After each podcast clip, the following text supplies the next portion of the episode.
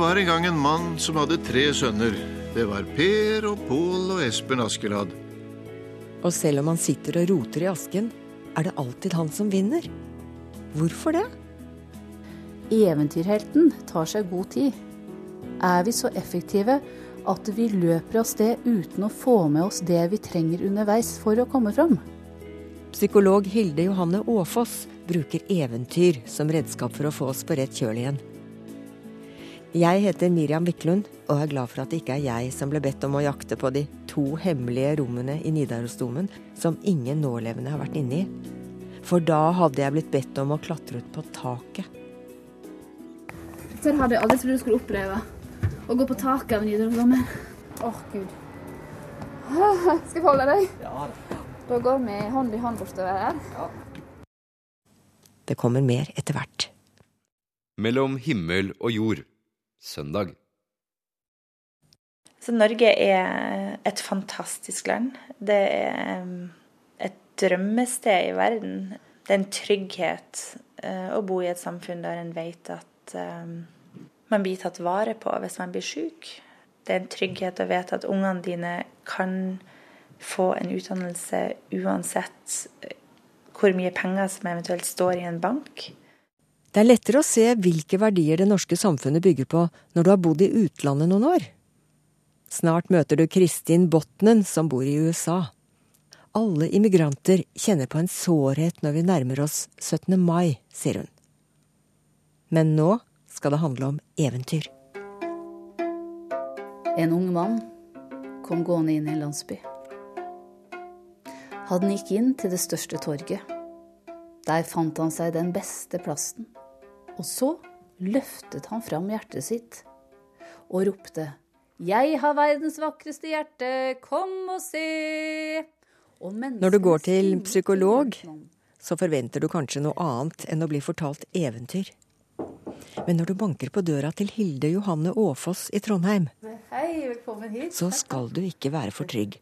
For hun er både psykolog og historieforteller. Enten hun holder kurs og foredrag om samspill, selvinnsikt eller kreativitet, så tar hun i bruk eventyrene. Og eventyr og fortellinger bruker hun også som verktøy overfor klienter for å belyse problemer de måtte slite med. På hvilken måte da?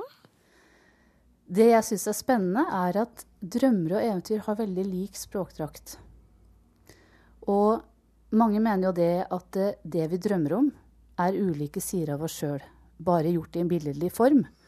Og sånn kan vi òg bruke eventyr.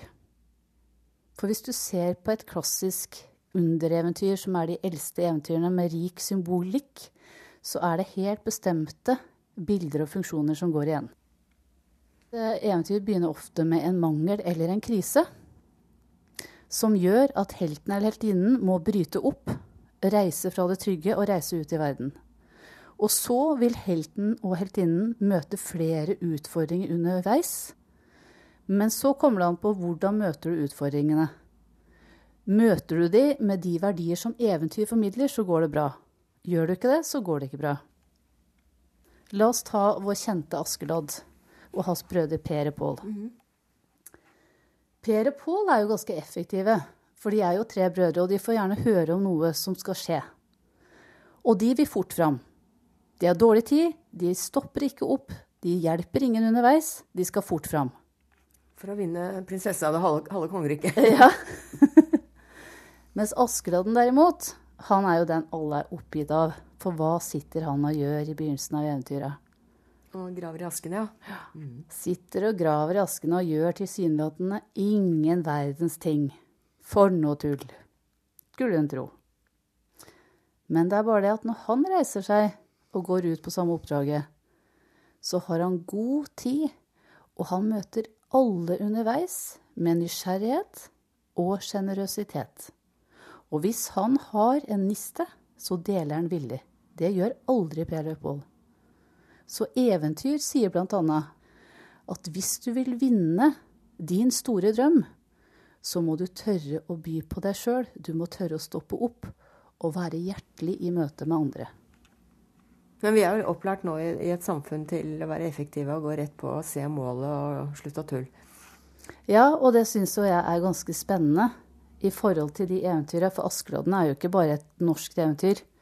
Askeladden er en skikkelse som går igjen i mange kulturer. Og det er det samme som går igjen overalt. Det er ikke de som haster av gårde og er målretta, effektive, logiske, og som bare har et individualistisk perspektiv som vinner fram. Det er de som er litt annerledes, som er litt mer undrende og litt mer hjertelige. Mange vil si uff, snakker du om eventyr, det er jo bare fantasi og det er bare drømmeri. Men det er litt spennende å se på alle som har jobba med eventyr og analysert eventyr opp gjennom tida. Det som gjør at du gjenkjenner de gamle eventyrene, er at eventyrhelten alltid er et handlende menneske. Handlingen er viktig. Eventyrhelten tar seg god tid, men det er han som vinner fram til slutt. Og hva er det vi gjør i vårt samfunn nå?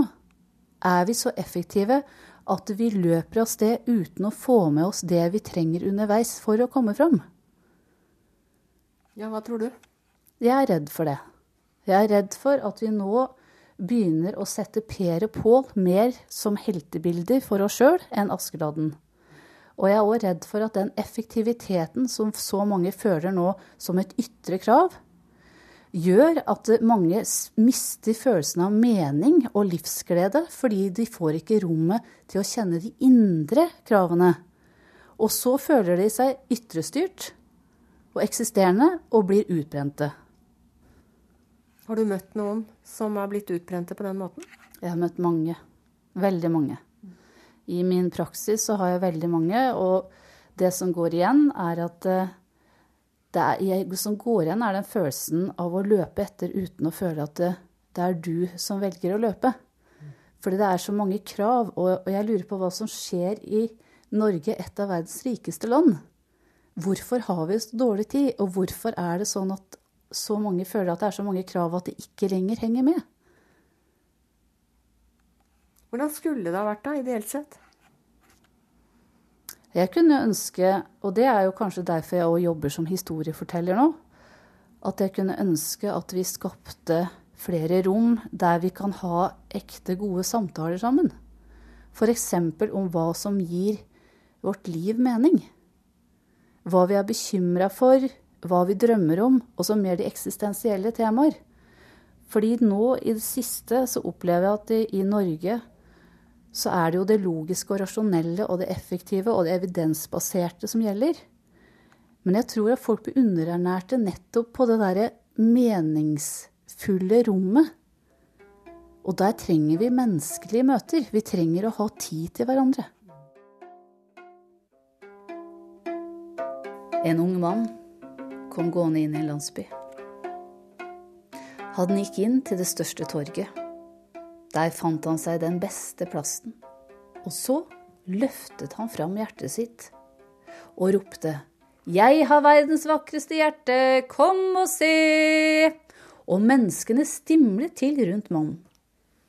Og det var virkelig et vakkert hjerte. Det var glatt og fint og friskt og rødt og det slo sterkt. Alle syntes at hjertet var vakkert. Og han fikk mye skryt, og den unge mannen ble stoltere og stoltere der han gikk rundt og viste det vakre hjertet sitt. Litt bortenfor folkemengden som hadde samlet seg rundt den unge mannen, sto en gammel mann.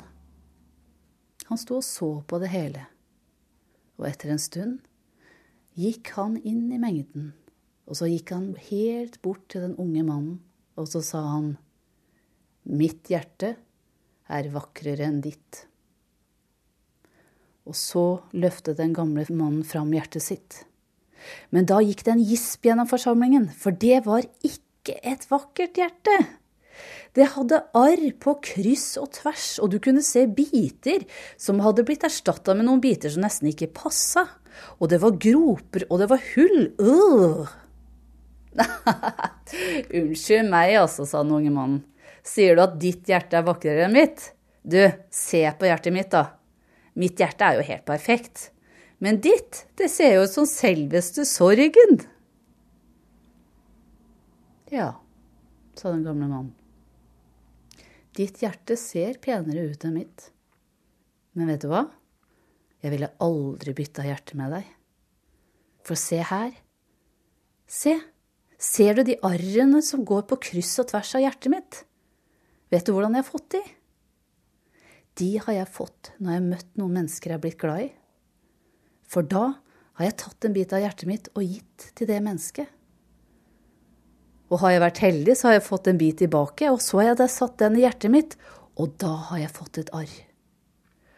Se så mange arr jeg har, da, sa den gamle stolt. Og så se her, ser du de gropene her? Vet du hvordan jeg har fått de? De har jeg fått de gangene jeg har møtt noen jeg har blitt glad i, og så har jeg gitt de en bit av hjertet mitt, men så har jeg ikke fått noen bit tilbake.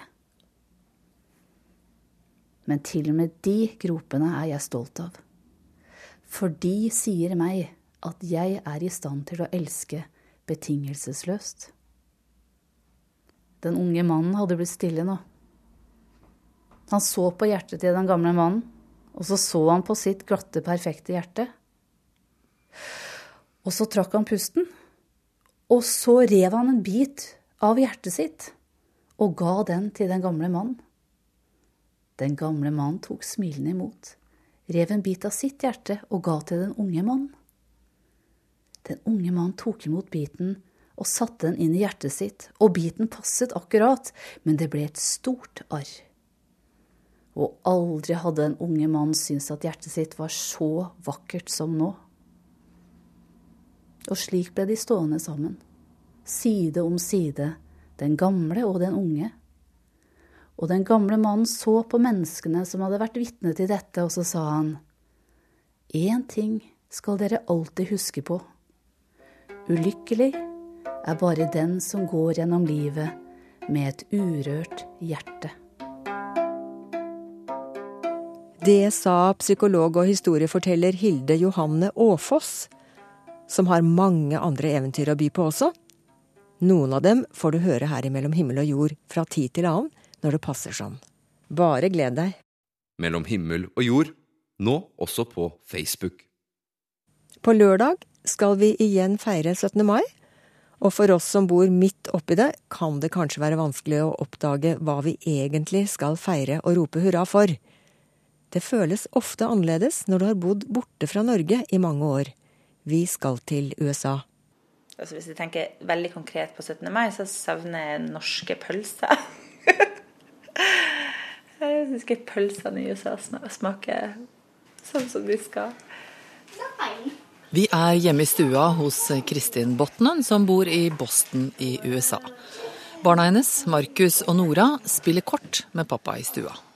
Markus og Nora, så vet dere hva dere har tenkt å ha på dere? Den her. Vil du ha den norske skjorta på? Ja. ja, det kan du. Det var en god idé. Kanskje vi kan finne en kjole til det, Nora. Og så har vi den sløyfa som vi brukte i fjor, med norske farger på. Ja, det kan vi gjøre. Og så må vi finne fram flaggene.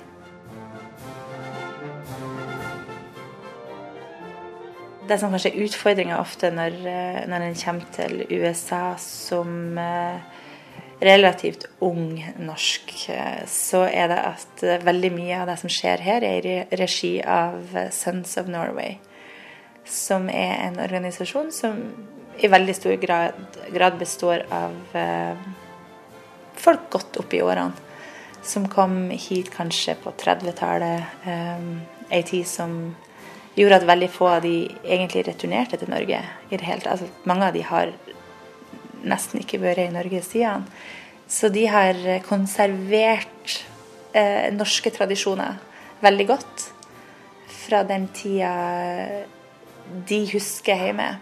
Så når jeg kommer da eh, som litt, en litt yngre immigrant, så er det vanskelig for meg å kjenne meg igjen.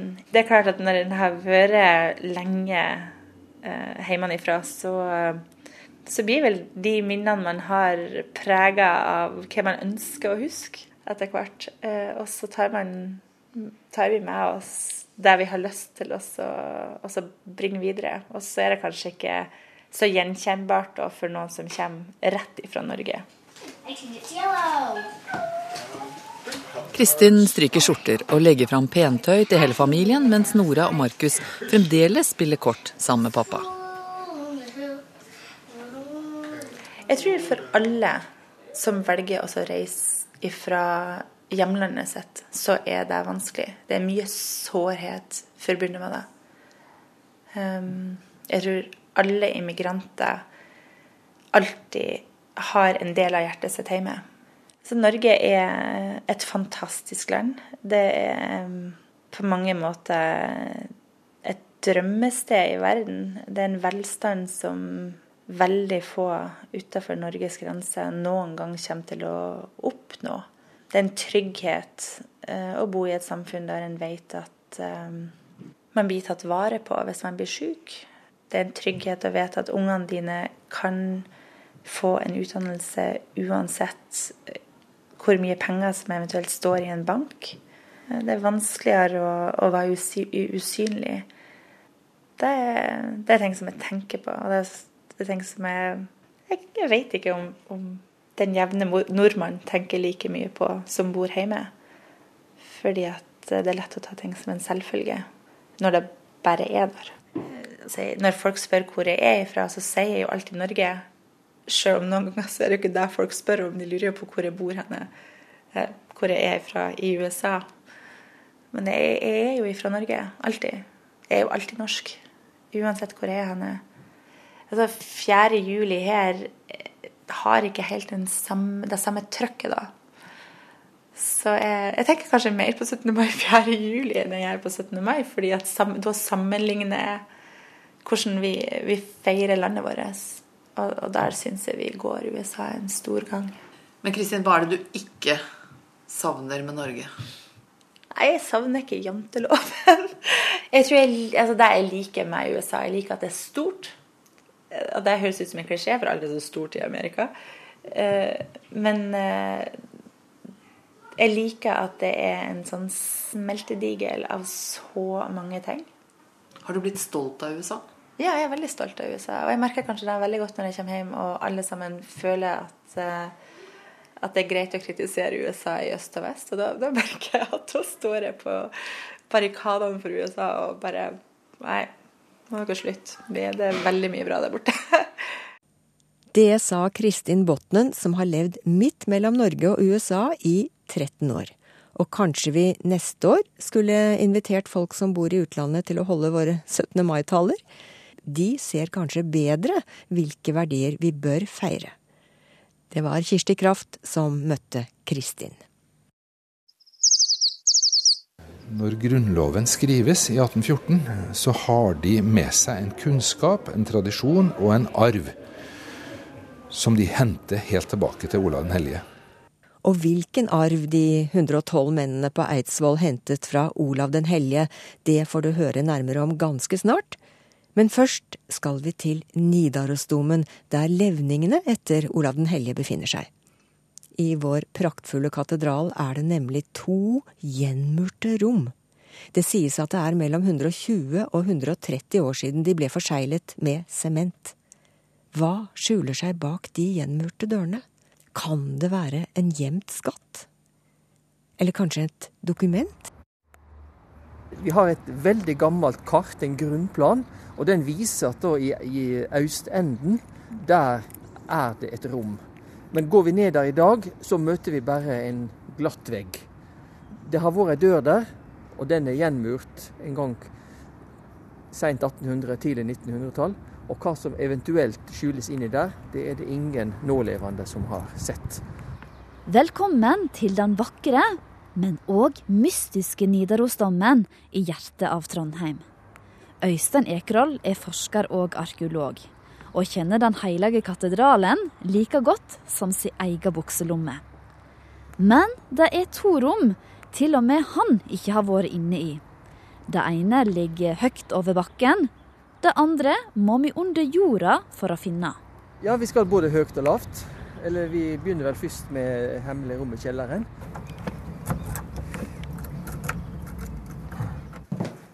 Så skal vi gå videre. Her her har vi Ja. Det er liksom bredda på ei dør, men det er mur. Her, men ikke lenger. En grå murvegg skiller oss og det hemmelige rommet ingen har satt sine føtter i på 130 år. Mystisk. Hvorfor skulle noen ville mure igjen et rom, tru? Nei, det står ingenting om det i noen dagbøker eller eh, årsmeldinger eller sånne ting. Så vi veit egentlig ikke. Det var vel fordi det kanskje ikke hadde bruk for det. Men det er jo godt murt igjen her. Ja, så det er ikke bare å kakke med en hammer og Hva tror du er det som ligger bak disse veggene? Ja Kanskje er det en del av domkirka sine gamle skatter som er forsvunnet. Kanskje er det ingenting. Og kanskje ligger det noe gammelt verktøy. Kanskje det ligger det som eh, en beskjed til oss fra de som murte igjen. Det blir fortalt om en arkeolog som, eh, på 1800-tallet som gravde ut en eh, kjempesvær haug på Romerike som heter Raknehaugen. Og så ble den gravd på nytt i slutten av 1930-tallet. Og det kom ned på bunnen, så fant de ei flaske. En flaskepost, gjenkorka flaske, og inni den lå det et brev. og Åpna det med stor spenning, og da sto det der Kjære kollega i fremtiden, jeg fant heller ingenting. Får ikke du veldig lyst til å få noen hit som kan hjelpe deg å fjerne denne veggen, og se hva som er bakom? ja, det skulle være artig, det. Men uh, det er jo ikke heldigvis jeg som bestemmer eh, alt sånt. Så her er det jo mange i så fall som skal ha et ord med i laget. Og så kan det jo være at det, det kan ligge til framtida. Det kommer folk etter oss. Så kan de få ha noe å bryne seg på. Men din eh, nysgjerrighet, da? Ja, den har jeg lært å leve med. Så det er ett av rommene i Nidarosdomen der en ikke har helt peiling på hva som er i? Ja, nå har vi, og du må tenke igjen at sånne hemmelige rom de ligger jo nede i en kjeller, og det gjør jo dette. Men vi har hemmelige rom som ligger langt, langt over bakken også. Så nå skal vi ta oss en liten tur eh, på toppen av Nidarosdomen? Ja, nå skal vi ut og klatre. Uff, jeg kvier meg litt, jeg. Nei da, dette skal gå bra. vi forlater kjelleren og tar til på de bratte trappene som skal føre oss høyt, høyt opp i Nidarosdomen. Nå skal vi klatre ut. Skal vi ut av Nidarosdomen? Ja, vi skal ut på taket. På taket. Dette hadde jeg aldri trodd du skulle oppleve. Å gå på taket av Nidarosdomen. Ja, for nå går vi på det vi kaller sideskipstaket. Du ser det, det lavere skratt taket. Her er det tillaga som en liten gangvei. Åh, oh, gud. Skal jeg holde deg? Ja da. Da går vi hånd i hånd bortover her. Ja. Det er sjelden at jeg må leie intervjuobjektet mitt, men det er jeg nødt til å gjøre i dag. Målretta går vi bort til det ene tårnet. Tårnet er delt inn i flere etasjer. Den ene etasjen er murt igjen. Og her ligger det rom på rom i forskjellige høgder oppe. Og Da spørs det om du eh, vil ta sjansen på å klatre opp den. For nå er det en gammel jernstige som ja. står der. Nei, der vil jeg ikke opp. Er du sikker på det? Ja. Helt Tenker du å gå opp der? Ja. Det er så vanskelig tilgjengelig. Man kan lure på om det har gjemt ting her som var veldig verdifulle, veldig spesielle. Eller hvorfor de har tatt bryet med å lage et rom i det hele tatt. Nå kan jeg iallfall klatre opp der. Ja, du må være forsiktig nå, da. Han er arkeolog og forsker. Men det viser seg at Øystein Ekerhold òg er ei flink klatremus. Ja, nå står jeg oppe i rommet. Her er det god plass å stå oppreist. Men hvor er det rommet nå i forhold til der du er? Ja, og så er det over meg er det nå ett rom som vi kan nå ifra loftet. Ja. Og over der ligger det enda et rom. Og det har ingen sett på 120 år. Nå skal jeg komme ned igjen. Ja, altså kan, man kan jo tenke seg at jeg har eh, brukt det til å legge igjen noen gamle ting fra Nidarosdomen som de ikke hadde bruk for. Og tenkte jeg, her kan det ligge i fred. Men da må vi stille spørsmål rundt altså, hvorfor gidder en å, å mure igjen noe som ikke betyr noe? Ja, det er interessant. Og, um, og da kan du jo bare la fantasien råde på hva det kan være. Mm. Vi, har gjort, vi, har jo gjort, sånne små funn eh, tidligere, der har, de som har, har jobba her før oss, har lagt igjen små helsinger på en måte til eh, annet vi inne her i koret i 2002, da vi rensa der. Langt oppunder hvelvet i en liten innhuling. Der, der lå det en, en gammel tresko som en av arbeiderne her da, da gikk de jo i tresko ja.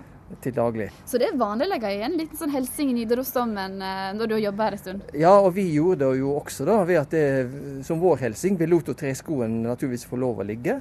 Og oppi den så la vi en utbrukt eh, mobiltelefon anno 2002. Gjorde du det? Ja. Så den ligger nå der og blir nå liggende en generasjon eller to eller tre, ja. eller enda lenger. Men, men, men, er det en sånn ting at en, en gjør ja, ting? Ja, det er veldig vanlig. Alt ifra, når, man legger ned grunnsteinen til et bygg, så legger en ned uh, informasjon om det året grunnsteinen har vært lagt. Altså mynter, aviser, dokumenter osv. Mm. Også oppe på tårn, der du har f.eks. Sånne, sånne, sånne kuler. Mm. Uh, under korset f.eks. så er det veldig vanlig at det ligger et dokument som forteller om det. Det, var det. Mm. det er det her også. Det har man funnet ved takreparasjoner. Så det, det er veldig vanlig å legge igjen sånne mm. små hilsinger. Men du, da er jeg helt sikker på at det ligger hilsing til deg oppi tårnet òg? Ja, jeg håper jeg lever lenge nok til å finne ut av det. Men hvorfor er det så vanskelig å få i gang et arbeid om å fjerne den døra, altså fjerne det som Nei. står og hindre oss i å komme inn og se? Ja, Men det, det haster jo ikke. jo, det haster jo. Nei da. vi har... Eh, her, her på Nidarosdomen har vi et uh, valgspråk uh, som, vi, som, står på det, det, fatet vi får når vi har jobba her i 25 år. Da står det at Gud i himmelen ser ditt arbeid. Vi må kunne leve med at det er ting vi faktisk ikke vet. Vi er bare en del av noe større. Det er mange som kom før oss, det er mange som skal komme etter oss. Mm. Og det er viktig for oss at vi bare innser at vi er en del av ei lang rekke. Mm. Verken begynnelsen eller slutten, og vi er på ingen måte verken toppunktet eller, eller eh, bunnmålet, får vi håpe mm. på det. Men at det, vi skal ha noe til nyere, seinere generasjoner. Det sa arkeolog og forsker Øystein Ekroll. Ja, kanskje en gang så får vi vite hva som skjuler seg i de to hemmelige rommene i Nidarosdomen, eller kanskje ikke. Du kan se bilder på nrk.no. Og reporter, det var Camilla Kjønn Tingvoll. Mellom himmel og jord. Det er som kjent 200 år siden Norge fikk sin grunnlov. Og da de 112 eidsvollmennene satte seg ved forhandlingsbordet, var det nok mange som hadde skrevet lover og tenkt viktige tanker før dem. Men visste du at Olav den hellige og erkebiskop Eistein av Nidaros også var blant de som har påvirket vår grunnlov? Når Grunnloven skrives i 1814, så har de med seg en kunnskap, en tradisjon og en arv som de henter helt tilbake til Olav den hellige. Året er 1814, og det nærmer seg midten på april. Sverdrup, Jarlsberg, Wergeland og alle de andre, til sammen 112 menn, er på tur til Eidsvoll. Vel framme samles de i hovedbygningen på Eidsvoll verk, og forhandlingene starter. Nå skal Norges grunnlov bli til. Men hvem påvirka de 112 mennene rundt forhandlingsbordet? Hvor kom tanken fra om maktfordeling og menneskerettigheter? Vel, da må vi tilbake i tid. For det var andre før de som har lagt grunnlaget. Vi skal til tusentallet og Olav den hellige. Han går i skole hos erkebiskopen i Rouen. Det er jo der han oppdager denne annerledestenkninga. Det er der han oppdager at Kvitekrist betyr noe for enkeltpersonen. Og at her er det et helt nytt verdisett som han blir fascinert av. Og som han opplever at vel, dette vil jeg innføre når jeg nå reiser hjem igjen og overtar og skal være konge i Norge. Så er det dette som er min tru, og det er dette som er min tradisjon. At, at her får vi et helt nytt syn på hvordan folk skal ha det. Olav den hellige kommer tilbake til Norge og innfører kristendommen. Og med den tankegangen kommer også et annet syn på mennesket, forteller Steinar Bjerkestrand, direktør ved Nidaros domkirkes restaureringsarbeider. I kongeriket Norge så hadde man før kristendommens innførelse en veldig uh, vekt på slekten som på en måte rettsobjektet. Det alt gikk ut på at slekten skulle leve videre, og at slektens ære skulle opprettholdes. Det gjorde det enkelte menneskelivet lite verd. Når Olav den hellige kommer med kristenretten og innfører, etter et møte på, på Moster, sørger for at kristenrett innføres opp mot Gulatingsloven, Frostatingsloven, Eidsivastingsloven, så, så handler dette om at han innfører skapertroen, tenkningen på at mennesket er Guds skapning. Det gir det enkelte menneskets verdi. Det betyr at hum, den huma, humane tanken, humanismen, på en måte innføres i, i den norske tenkninga og i det norske lovverket. Hvordan hadde vi det før Grunnloven, da? Det flotteste symbolet jeg kjenner for det, det finnes hvis man ser spelet om Heilag Olav på Stiklestad. Du fikk en vanskapt unge, og han tok du livet av. Det er synd så stor at det ikke fins nåde for det. Olav forbyr å sette barn ut i skogen. Hvert menneskeliv har en verdi. Han innfører monogame ekteskap. Kvinnen har også egenverdi. Og det er erkebiskop Øystein av Nidaros som viderefører Olavs lover. Og så er det neste leddet. Når erkebiskop Øystein skal forbedre norsk lovgivning, så er han i Bologna, han er i Roma, han er i Lincoln i England. Han, går, han, er, han studerer i universitetet i Paris, og han kommer hjem som erkebiskop og sier at nå må vi justere lovene våre sånn at vi henger sammen med den humaniteten som man tenker i, resten av Europa. Eh, nå må vi tenke administrasjon sånn som de tenker i resten av Europa. Skattlegging, ordning av samfunnet på alle måter. Men her er det også sånn at loven må vise at det enkelte mennesket har verdi. Så når eidsvollmennene setter seg ned, mange hundre år etter, bygger de Grunnloven på Olav den helliges tankesett. For det første så påvirker den ved at vi beholder kristen tro. Det er, en selvfølge for folket på Eidsvoll. Men den humane tankegangen den begynner i norsk sammenheng med Olav den hellige og kristendom. Egentlig helt tilbake til de første biskopene som kommer med Olav Tryggvason. Men nå er det Olav den hellige som er blitt symbolet for innføringen. Og den humane tankegangen er at individet betyr noe? Individet betyr noe. Det er enkeltmennesket som gudskapt som betyr noe. Både i forhold til lovgivning, i forhold til verdi, i forhold til å ha rettigheter i, et fellesskap. Hvordan hadde det vært hvis vi ikke hadde hatt den tankegangen, den humanistiske tankegangen som Olav den hellige kom med, og som de 112 menn på Eidsvoll tok hensyn til? Vanskelig å vite, men vi hadde vel kanskje fortsatt da hatt et stammesamfunn hvor høvdingen hadde bestemt, og hvor det enkelte menneskelivet ikke var veldig mye verdt. Men også slekta? Ja, slekta var viktig. Og slekta ville være det som sto i hovedsentrum. At slekten føres videre, og at slektens ære beholdes. Mens vi i våre dager, og nå med den der tankegangen der, jo knytter rettighetene til enkeltmennesket. At det er skapt av Gud, og derfor har det verdi i seg sjøl. Og det kan vi takke Olav den hellige for. I vår tradisjon og i Norge så er det Olav den hellige som iallfall er blitt symbolet på at den trua og den tankegangen kom til Norge. Etter vel en måned rundt forhandlingsbordet har de kommet til enighet. Den 16. mai blir Grunnloven vedtatt av riksforsamlinga og underskrevet 17. mai. Ved avslutningsmiddagen reiser eidsvollmennene seg tar hverandre i hendene i en brorskapskjede og uttaler de udødelige ordene. Enig og tro inntil Dovre faller.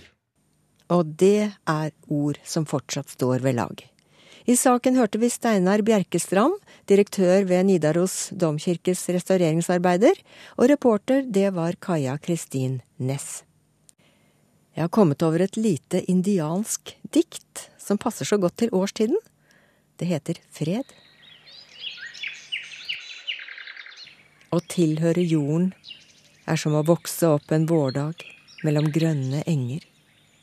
Å kjenne fuktigheten fra hvert gresstrå som myke kjærtegn på kinnet.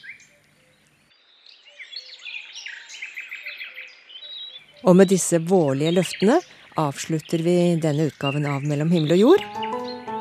Vi er lutter øre om du vil sende oss noen ord. Her kommer e-postadressen. Himmel og jord, krøllalfa, nrk.no. Og postadressen. Mellom himmel og jord, NRK 7005 Trondheim. Jeg heter Miriam Wiklund og minner om at programmet er tilgjengelig når det måtte være via radio nrk.no, eller som nedlastbar podkastversjon via nrk.no podkast. Fortsett gjerne å høre radio her på NRK, og ha en trivelig vårdag.